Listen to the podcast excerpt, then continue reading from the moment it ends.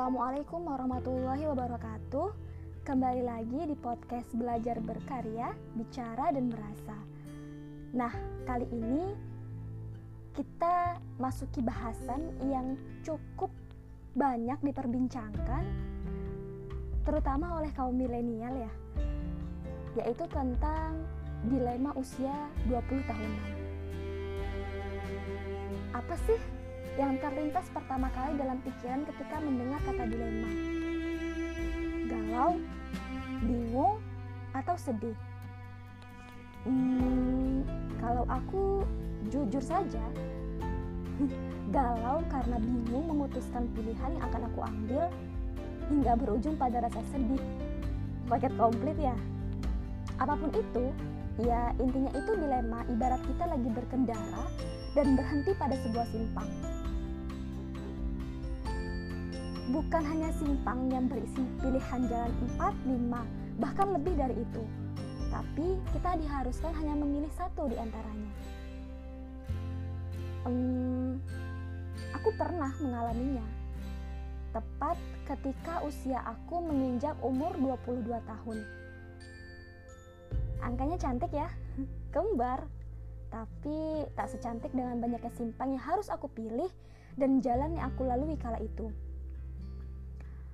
Hmm, mungkin kalau kamu mengikuti Instagram, kamu pernah membacanya. Nah, bagi yang belum, aku sedikit bacakan ya. Satu persatu teman seusiamu telah meraih kesuksesan. Tak sedikit pula yang masih berjuang bahkan memulai impian. Sebagian dengan bangga memakai toga di hari wisuda, bersetelan jas atau kebaya sambil berfoto ria bersama keluarga.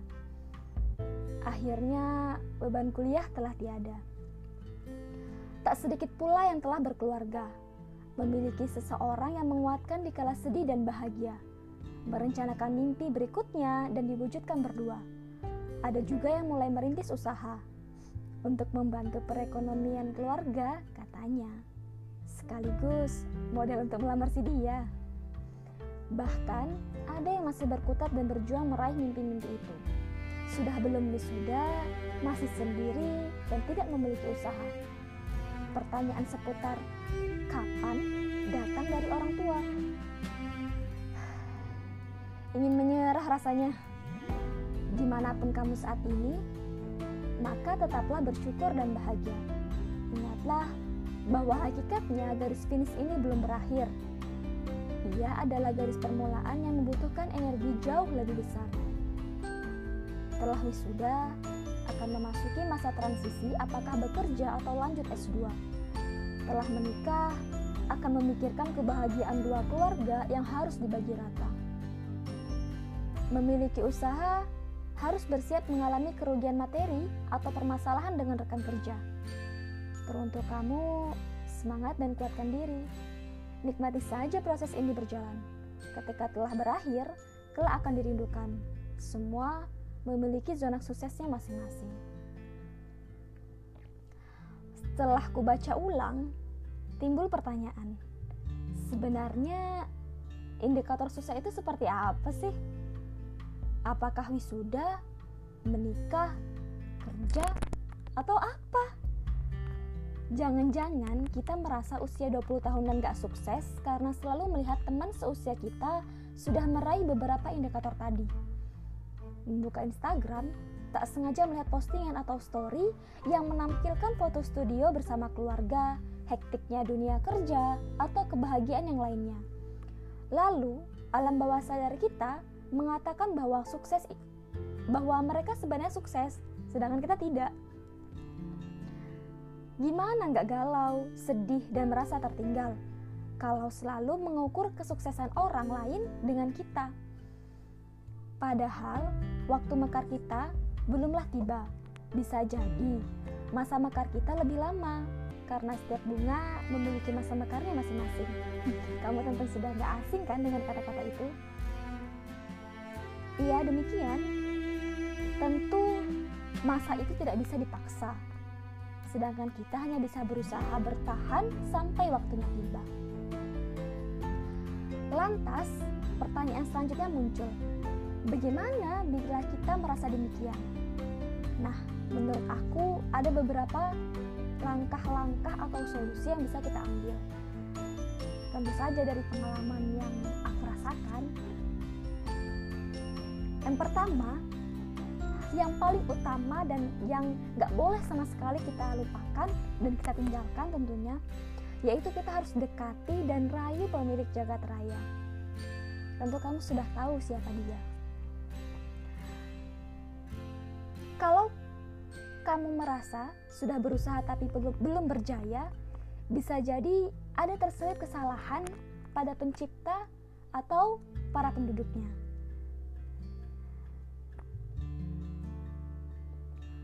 Nah, jadi karena kesalahan kita, sehingga kita menjadi cenderung tidak percaya pada skenario dari sang sutradara maka tugas kita sebagai yang tidak punya kuasa apa-apa ya memohon dan melobi pada yang maha kuasa.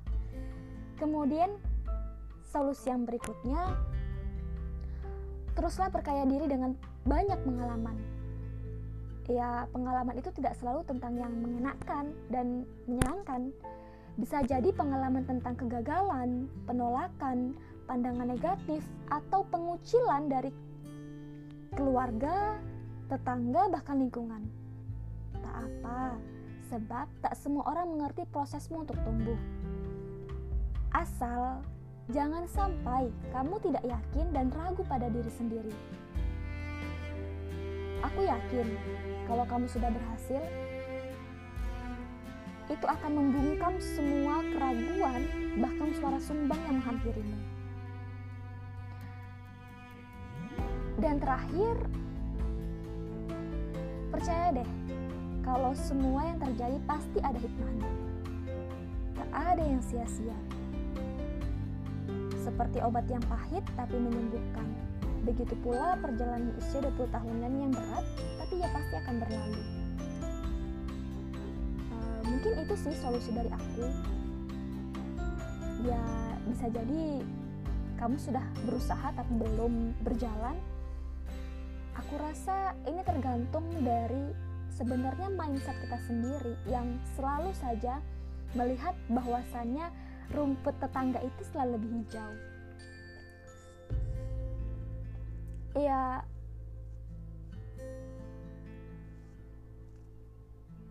kalau kamu selalu melihat seperti itu ya percuma saja solusi yang telah aku berikan. Walaupun aku masih berada di zona-zona fase krisis yang katanya quarter life crisis yang berlangsung dari umur 20 sampai 25 tapi yakinlah ketika kita meletakkannya pada poin pertama itu semua akan hilang dengan sendirinya. Jadi semoga saja suaraku dan topik ini tidak membuat usia 20 tahunanmu semakin berat. Aku hanya ingin menyuarakan bahwa aku pernah merasa demikian. Aku tak ingin kamu terlalu larut dalam kesedihan. Semoga apa yang aku suarakan, apa yang aku rasakan bisa menjadi penyalur emosi dan pengurang beban.